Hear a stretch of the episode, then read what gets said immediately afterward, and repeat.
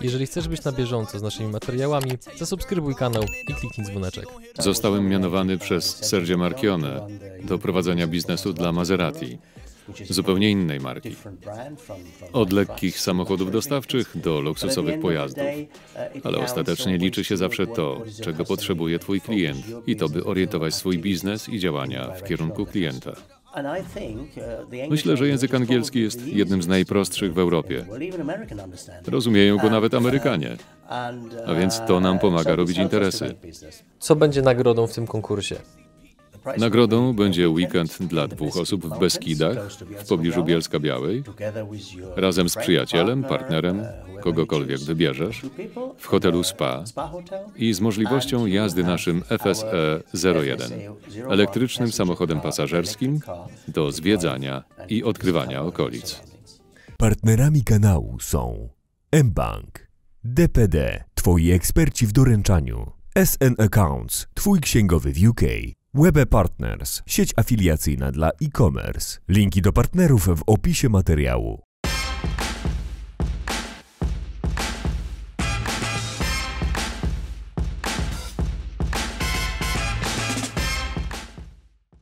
Dzień dobry drodzy widzowie, witamy Was w kolejnym odcinku Przygód Przedsiębiorców, gdzie tym razem naszym gościem jest Tomasz Hajek. Dzień dobry. Dzisiejszy wywiad będzie o branży samochodów elektrycznych.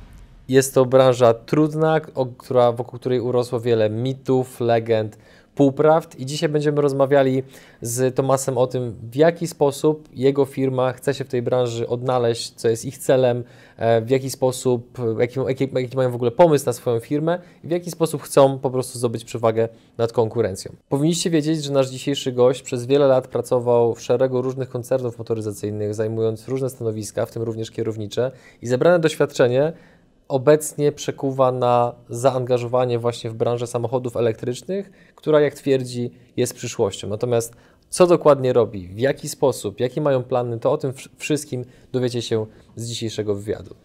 I teraz tak, przechodzimy, zanim przejdziemy w ogóle do samochodów elektrycznych, to porozmawiajmy w ogóle o Twojej przeszłości.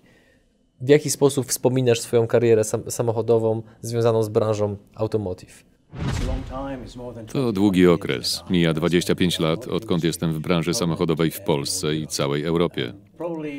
Prawdopodobnie najbardziej znaczącym i spektakularnym okresem były lata 1992-98, kiedy to znajdowałem się w zespole Fiata, który przekształcał FSM w Fiata Autopolska.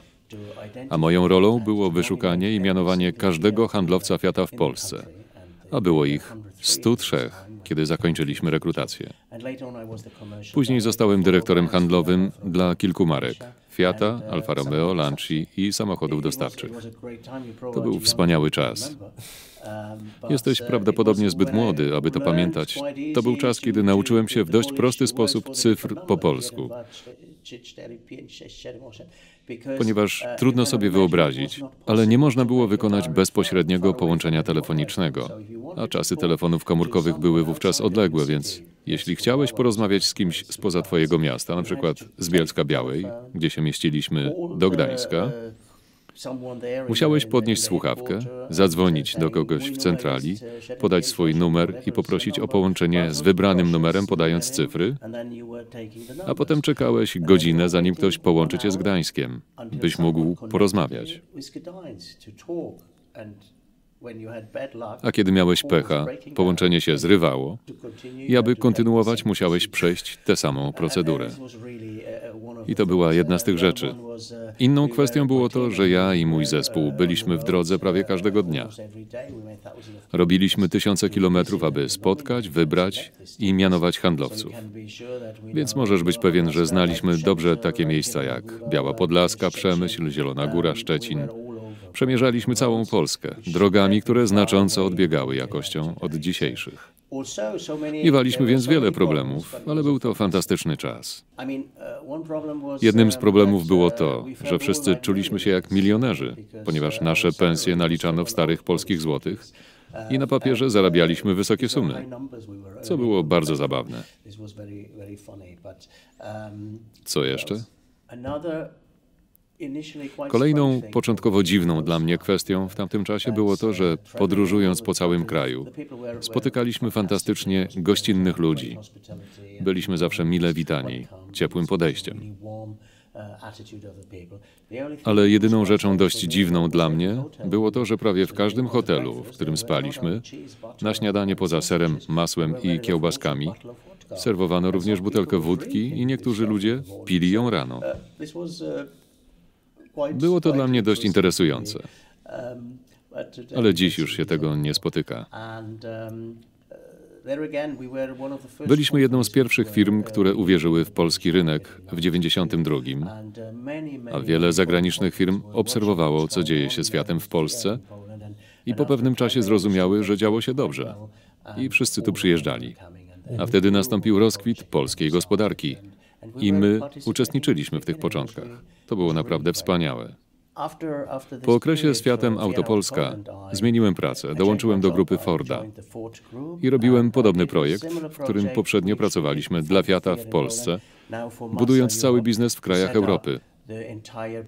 Więc zamiast jeździć drogami, zacząłem dużo latać po Europie, zakładając krajowe oddziały sprzedażowe, aby rozwinąć markę w obszarze europejskim. A następnie wróciłem do Fiata. Zostałem dyrektorem zarządzającym w samochodach dostawczych na Niemcy, potem Austrię, a później na całą Europę. I był to imponujący czas z bardzo silnymi produktami. Zyskiwaliśmy wpływ i rozwijaliśmy biznes w bardzo dobrym stylu. A potem zostałem mianowany przez Sergio Marchione do prowadzenia biznesu dla Maserati, zupełnie innej marki. Od lekkich samochodów dostawczych do luksusowych pojazdów. Ale ostatecznie liczy się zawsze to, czego potrzebuje Twój klient i to, by orientować swój biznes i działania w kierunku klienta. Po trzech latach w Maserati dołączyłem do pierwszej inicjatywy samochodów elektrycznych, którym było FSE w Bielsku Białej. A w międzyczasie pracowałem też przez dwa i pół roku dla Wieltona jako wiceprezes do spraw handlu i marketingu w Polsce. Gdy firma rozwijała się na skalę międzynarodową i gdy Wielton wyprzedził trzy numery jeden we Francji i numer jeden we Włoszech. A dziś staram się zebrać te wszystkie doświadczenia różnych produktów, rynków w nasz własny biznes, nasze dziecko i stworzyć jego przyszłą historię z sukcesem. Z racji tego, że ten materiał będzie opublikowany na YouTubie, YouTube jest związany z internetem, to powiedz nam proszę, w jaki sposób wspominasz ze swojej perspektywy rozwój internetu. Tak, wtedy właśnie ta historia się rozpoczynała. Pamiętam, że byłem najmłodszym członkiem zespołu przejmującego. Moi szefowie byli starsi i niektórzy z nich byli oporni wobec używania poczty elektronicznej. A ja byłem pomiędzy rekrutami, młodymi Polakami, którzy wiedzieli wszystko, a moimi niechętnymi szefami, zanoszącymi wszystko sekretarkom. I myślę, że postąpiłem wtedy mądrze, ponieważ nie miałem żadnego kłopotu z poproszeniem moich pracowników o pomoc, bym mógł się czegoś dowiedzieć. I po pewnym czasie komunikowałem się z pięcioma, sześcioma różnymi osobami, ucząc się czegoś innego od każdego z osobna. I w rezultacie wiedziałem więcej niż każdy z nich ponieważ nie bałem się pytać. To było wspaniałe i dziś trudno sobie wyobrazić bez tego pracę. Mimo, że byliśmy lata świetlne od tych możliwości, które mamy dzisiaj. Ale wszystko zaczęło się przede wszystkim od poczty elektronicznej. To był początek komunikacji. Umawianie się na spotkanie przez Outlooka, bez udziału człowieka, automatycznie, z pominięciem sekretarek. I zawsze mieliśmy takie proaktywne podejście. Zawsze się uczyłem i nigdy nie przestaję. To popycha mnie naprzód i mam nadzieję uczyć się do ostatnich moich dni. Pomimo, że ten wywiad ma się tyczyć samochodów elektrycznych, to myślę, że e, część widzów zadaje sobie pytanie, że skoro tyle lat spędziłeś w naszym kraju, to dlaczego nie mówisz jeszcze po polsku? To uzasadnione pytanie i muszę przyznać, że jestem pierwszą osobą, której nie cieszy ta sytuacja. Istnieją dwa, trzy powody. Po pierwsze, i możesz mi nie wierzyć, uważam, że polski to jeden z najtrudniejszych języków świata. Mówię płynnie po włosku, hiszpańsku, mój angielski jest w porządku, niemiecki jest moim językiem ojczystym, znam trochę francuski, ale nigdy wcześniej nie doświadczyłem tak poważnych trudności, co w przypadku języka polskiego, pomimo tego, że stale usiłuję się uczyć. Podam Ci przykład. Dlaczego u diabła macie jedną, dwie, trzy szklanki, a potem pięć szklanek. Druga liczba mnoga. Coś, co jak sądzę istnieje tylko w językach słowiańskich, do których należy polski. To jeden powód, ale drugim jest tempo pracy nadawanie jej szybkości. W latach 92-96 pracowaliśmy w tempie i wymiarze, które trudno wyobrazić sobie młodym ludziom. Wszyscy Włosi i ja mieliśmy tłumaczy, którzy tłumaczyli biznes naszym partnerom i klientom, dostawcom, pracownikom bo było to dużo szybsze i kiedy posługujesz się tego rodzaju pomocą, tracisz okazję do nauki. Ponieważ uczysz się najlepiej, kiedy jesteś zmuszony to robić i nie masz wyjścia. Co stanowi trochę problem dla Amerykanów czy Anglików, którym trudno przychodzi nauka języków. Mhm. Polakom wręcz odwrotnie. Uh, Chłoną języki jak gąbki. Uh, Macie świetne podstawy, by uczyć się niemal wszystkich języków świata. Uh, Powiedziałbym, że to imponująca część waszego dziedzictwa. Mhm. Zanim przejdziemy do części, kiedy już będziemy rozmawiali właśnie o tym, co robisz obecnie, to gdybyś mógł cofnąć się w czasie do lat 90., ale mając obecne doświadczenie i wiedzę, to co byś sobie wtedy powiedział? Um, Dziwnie o tym mówić. Rozumiem Twoje pytanie. Pewnie warto je zadać. Prawdopodobnie w odniesieniu do lat 90. zmieniłbym tylko drobiazgi w porównaniu z tym, co wtedy robiliśmy. Pracowaliśmy z pasją, energią, zaangażowaniem. Może zmieniłbym coś wcześniej lub później, ale tamten okres był dla nas naprawdę dobrym czasem. Byliśmy zdeterminowani, precyzyjni i wymagający. Wykorzystaliśmy naszą szansę, która nam się wtedy nadarzyła. Fiat miał w tym czasie 30% udziału w rynku. Byliśmy zdecydowanym numerem jeden. Sprzedawaliśmy ponad 180 tysięcy samochodów rocznie. Fiat Polska był trzecim co do wielkości rynkiem sprzedaży grupy Fiata, zaraz po Włoszech i Brazylii. To był bardzo dobry okres i myślę, że wszyscy go kochaliśmy. To teraz przechodząc do tego, czym się zajmujesz obecnie. Czym jest FSE? Jakie są Wasze plany? Czym się wyróżniacie? Co w ogóle robicie, żeby przybliżyć właśnie naszym widzom wasz model działania? Uh, Poprzez założenie FSE, ja i mój zespół chcemy zrealizować marzenie, ale oparte o bardzo klarowną wizję. Na podstawie dającej nam szansę rozwinąć nie tylko produkty, ale całą firmę w obszarze miejskiego transportu towarów, usług, ale także ludzi, ponieważ z doświadczenia wiemy, że w szczególności w obszarach miejskich emisja dwutlenku węgla stworzy potencjalny problem dla tradycyjnych pojazdów przewożących towary w obrębie miasta.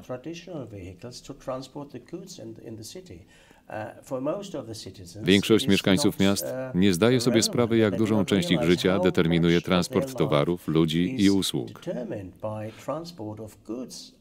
Wierzymy, że w szczególności elektryfikacja w biznesie samochodowym nastąpi najpierw w branży autobusowej, a następnie od razu w obszarze samochodów dostawczych.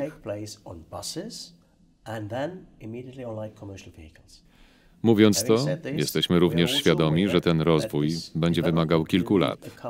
Zakładamy, że potrzeba 10-15 nadchodzących lat, by samochody elektryczne zyskały znaczący udział wśród pojazdów na drogach. Jest to również dobre dla nas jako dla małej firmy.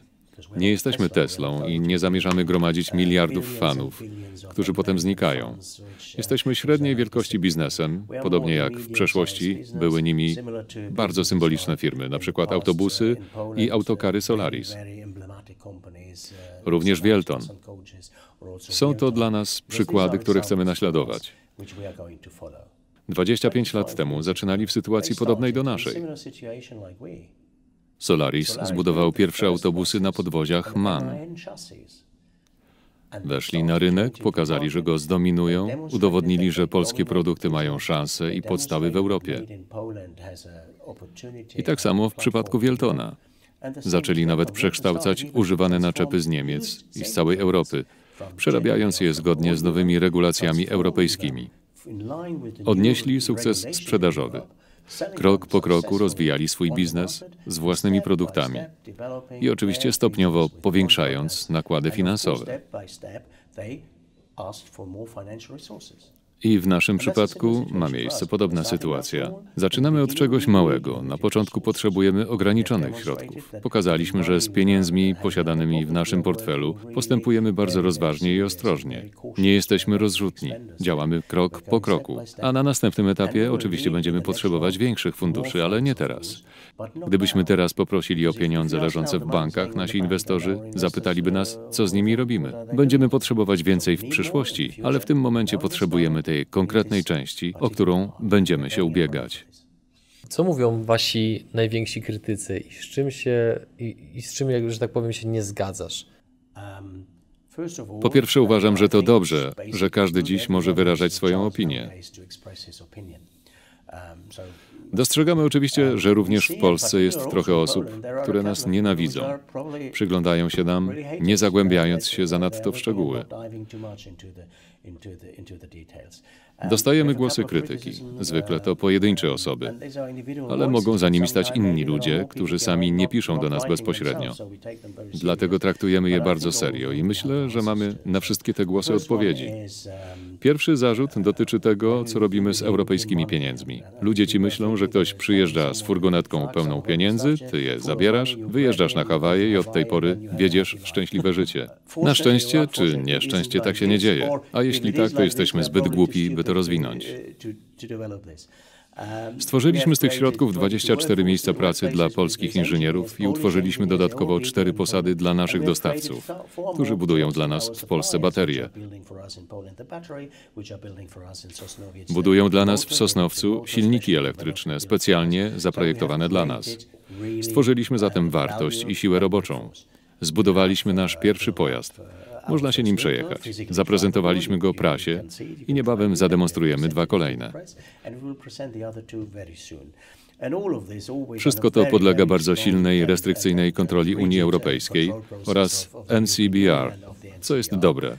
Więc jeśli ktoś ma z tym problem, po prostu nie wie, o czym mówi. Mhm. Kolejną kwestią poddaną krytyce jest to, czy FSE to polska firma skoro dyrektor zarządzający nie mówi po polsku.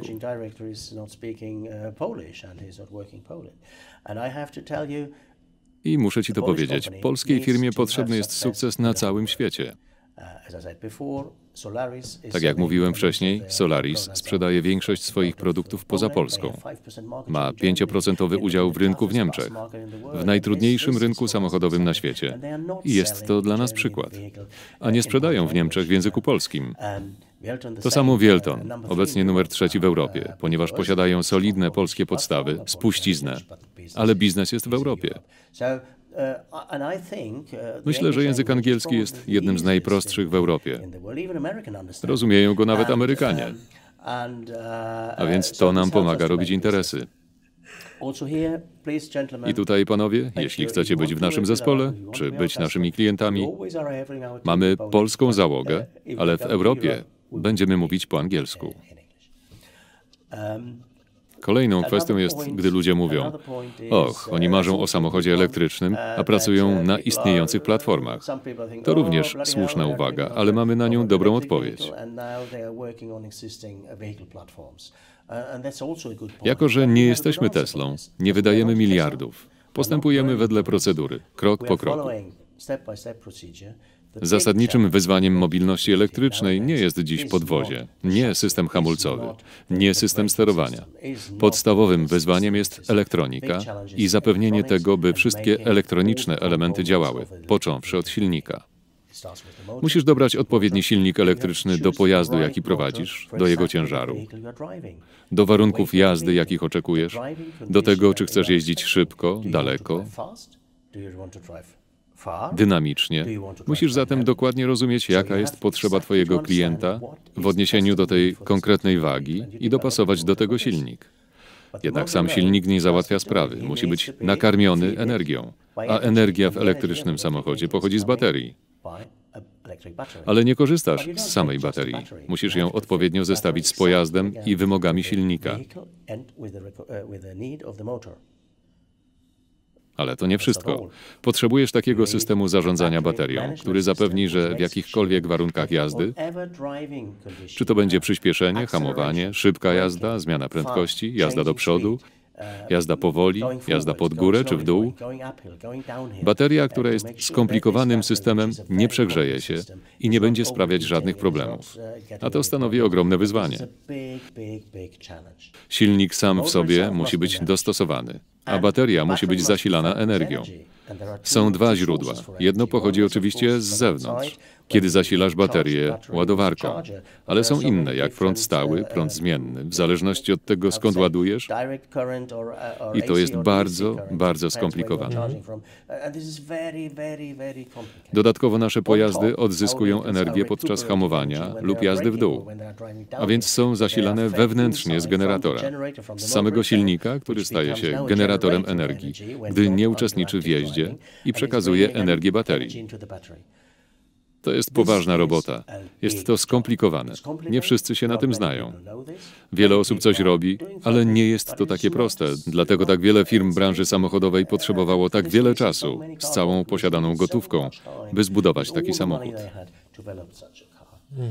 Mając na uwadze te przeszkody, nie chcieliśmy inwestować naszych pieniędzy i energii w tworzenie podstaw do przeprowadzania testów zderzeniowych, testów hamulcowych, bo nie o to chodziło. Gdy już uzyskamy nad wszystkim kontrolę, wypuścimy własne pojazdy. A obecnie mamy właściwy produkt w odpowiedniej cenie i jest to naprawdę dobry produkt oparty o mobilność elektryczną. Niektóre osoby z zewnątrz wyrażają niepokój o to, dlaczego zbieramy tylko milion złotych. Nie da się przecież zbudować za to fabryki i muszę przyznać, tak, macie rację. Nie możemy postawić fabryki za milion. Ale my nie jesteśmy jeszcze na etapie fabryki. Jesteśmy obecnie na pierwszym etapie, albo powiedziałbym na drugim. Zaprojektowaliśmy pojazdy, teraz musimy udowodnić, że będzie na nie rynek.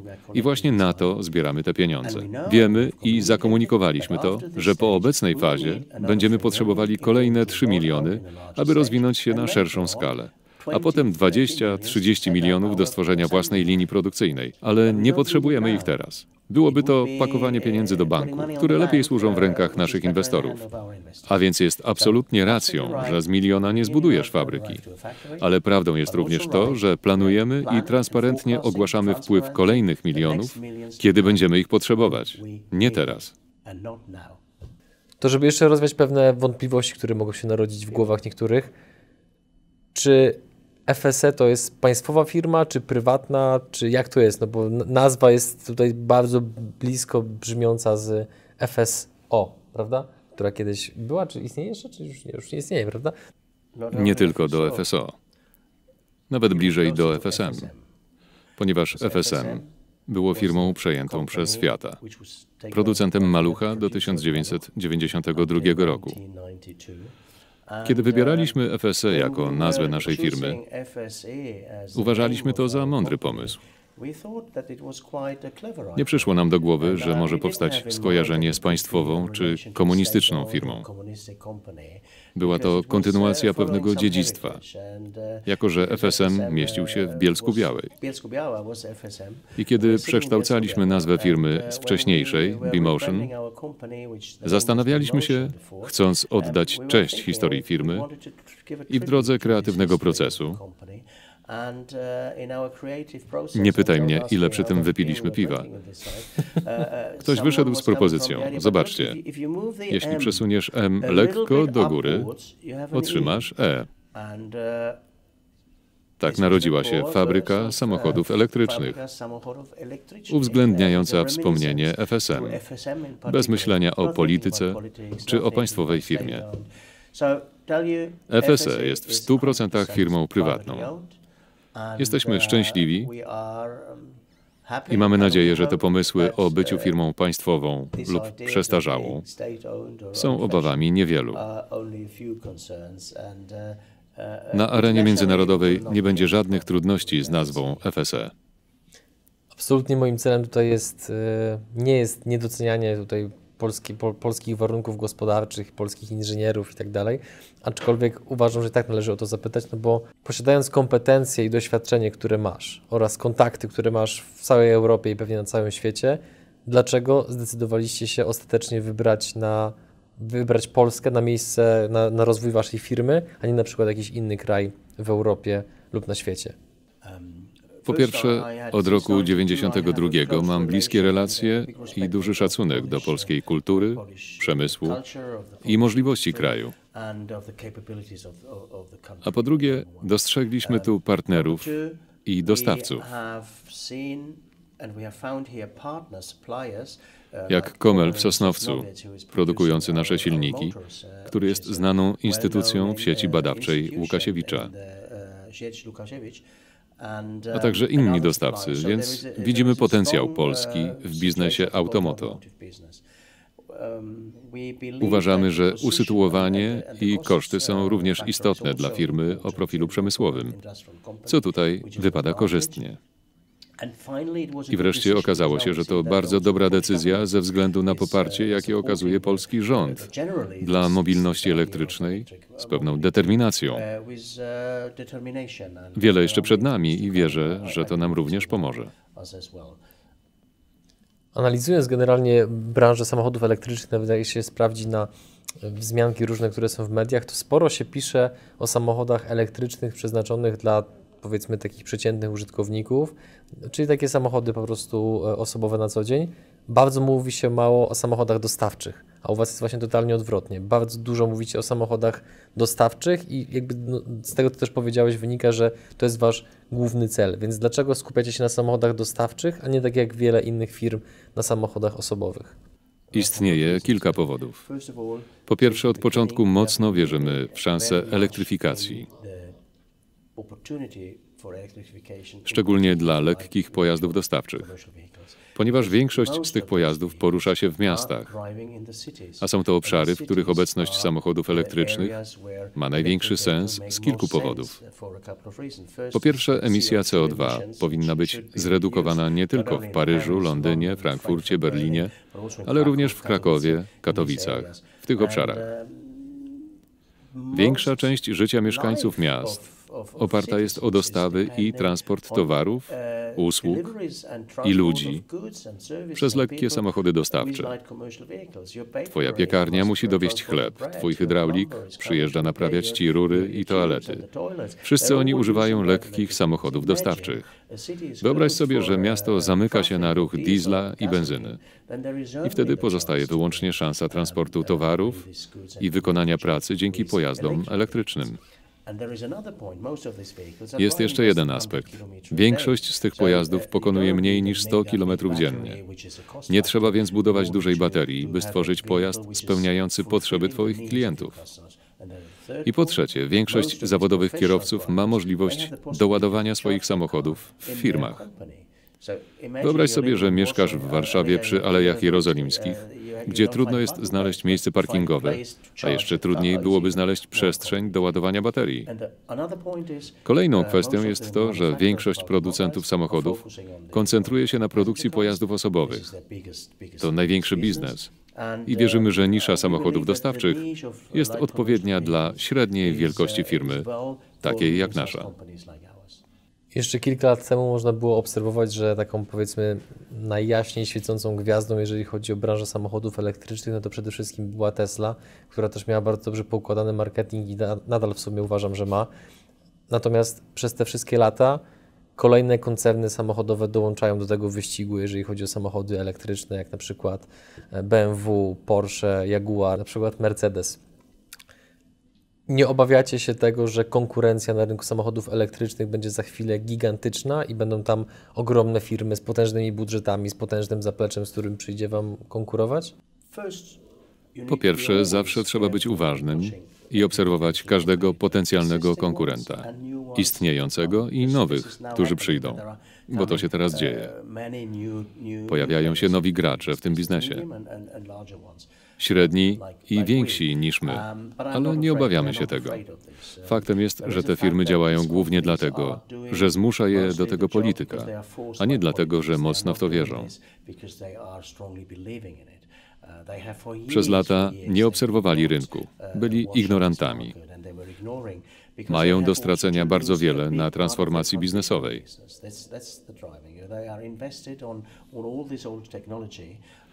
Nie spodziewam się stuprocentowej elektryfikacji na drogach. i nie jestem w tym odosobniony. Takich osób jest więcej.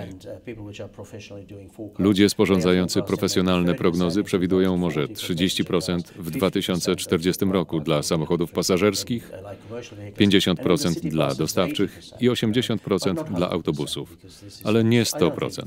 Nie sądzę, by to było realne. Z tej przyczyny, jeśli dzisiaj mówimy o naszym rynku lekkich samochodów dostawczych, ten rynek obejmuje 2 miliony samochodów rocznie w Europie. A jeśli osiągniemy 10% tego rynku, będzie to 200 tysięcy pojazdów każdego roku i jest to prawdopodobna liczba na kolejne 10 lat. A zatem 200 tysięcy podzielone na 24 rynki pokazuje, że jest to dość rozczłonkowany biznes. A do tego jeszcze sprawa jest bardziej skomplikowana, ponieważ musisz stworzyć ofertę pojazdów dla różnych potrzeb klientów. Jedni potrzebują małych, inni dużych, jeszcze inni wysokich i obserwujemy obecnie na rynku, że wiele tradycyjnych firm oferuje jedną wersję, model. A naszą możliwością jako małej, średniej firmy jest ta elastyczność w dopasowaniu do każdej potrzeby. I kto wie, czy pewnego dnia jedna z tych większych firm nie będzie zainteresowana zakupem naszej, aby zaoszczędzić na czasie przeznaczonym na rozwój. To kolejny potencjalny plan na przyszłość, również dla naszych inwestorów. Mhm. To wgryzając się troszeczkę teraz, teraz w szczegóły takie organizacyjne dotyczące Waszej firmy, w jaki sposób zamierzacie sprzedawać Wasze produkty oraz na kogo się tak naprawdę targetujecie? Kto ma być waszym klientem? Mamy trzy główne grupy kontrahentów. Pierwszym, co również ciekawe na rynku polskim, jest sektor publiczny. Straż Miejska, lokalna policja, władze lokalne to nasi naturalni klienci, nasze naturalne grupy docelowe. A fakt podpisania przez polski rząd aktu o mobilności elektrycznej zapraszający firmy do przekształcania parkingów pod samochody elektryczne lub zielone w przyszłości, może okazać się dla nas pomocny, szczególnie na polskim rynku. Ale podobne parkingi znajdują się w innych krajach Europy. Kolejnym odbiorcą są średniej wielkości firmy. Ludzie, którzy w większości prowadzą interesy w mieście i jest ich bardzo wielu. Będzie to hydraulik, piekarz, rzeźnik, producent ubrań.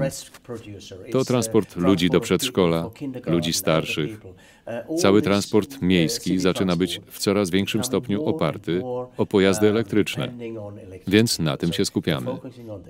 Na początku będziemy dysponować własnymi mocami sprzedażowymi, które będą operować w punktach strategicznych. Może to być Warszawa, Kraków, Katowice. Będziemy mieć nasze punkty dystrybucji z własnymi mocami sprzedażowymi i latających lekarzy, mechaników dbających o właściwy serwis samochodów, bo to istotna kwestia. Na szczęście bardzo niewiele rzeczy w elektronicznym samochodzie się psuje, ponieważ nie ma części trących, które zużywają się w tradycyjnym silniku więc utrzymanie i naprawa elektrycznych pojazdów są zredukowane. To są te grupy. Sektor publiczny, mały i średni biznes oraz mhm. transport miejski. Jak podkreślam, to dotyczy transportu miejskiego, a zdążyliśmy już ogłosić, że pracujemy nad rozwiązaniem dla pojazdu hybrydowego, napędzanego tradycyjnym silnikiem spalinowym poza miastem i osiągającego dłuższe przebiegi oraz z napędem elektrycznym w samym mieście, rozbudowując nasz produkt i otwierając go dla klientów, którzy nie działają wyłącznie w mieście. Ale naszym podstawowym celem, dla którego mamy wystarczający rynek, jest transport miejski. Mhm. Transport miejski, jakość życia, cichość. To kolejna zaleta pojazdu elektrycznego. Możesz dostarczać towary nocą, nie przeszkadzając zbytnio mieszkańcom. Ponieważ jeśli jedziesz nie szybciej niż 60-70 km na godzinę, pojazd elektryczny jest znacznie mniej głośny niż silnik spalinowy. Mhm. Znowu nawiążę do Twoich doświadczeń, kompetencji, posiadanych znajomości. Jesteście w tej chwili w akcji crowdfundingowej, na której no, oczywiście zbieracie środki, ale podejrzewam, że też budujecie pewną bazę ambasadorów. I chciałbym zrozumieć, dlaczego ktoś taki jak Ty, mając takie doświadczenia, kompetencje, relacje na całym świecie, akurat po, chce pozyskać finansowanie dokładnie w taki sposób, a nie na przykład właśnie wpuszczając jednego, dwóch, czy jakąś powiedzmy grupę inwestorów, którzy wyłożą potrzebne środki na rozwój firmy. Um, Z kilku powodów. Po pierwsze, idziemy w uh, innowacje i ciekawi nas, jak działają nowatorskie instrumenty finansowe. A crowdfunding działa. Uzyskujemy wgląd w pewne zachowania również drobnych inwestorów, ponieważ niewielcy inwestorzy mają prawdopodobnie te same odczucia, ten sam typ myślenia co wielcy. Nie chcą stracić pieniędzy, chcą zarobić i chcą bezpieczeństwa. To jedna z kwestii pomocnych dla nas w tej chwili. Kolejną jest to, że chcemy dać polskim obywatelom możliwość uczestnictwa w tych działaniach na początku, gdy udział jest jeszcze potencjalnie opłacalny. A grubsze ryby, z którymi oczywiście prowadzimy rozmowy, nie są zainteresowane milionem. Wejdą, gdy zrobimy 20-30 milionów. To moment dla grubych ryb. I trzeci aspekt. Dla nas ma to duże znaczenie marketingowe, by stać się dobrze znanym na rynku i być rozpoznawalnym.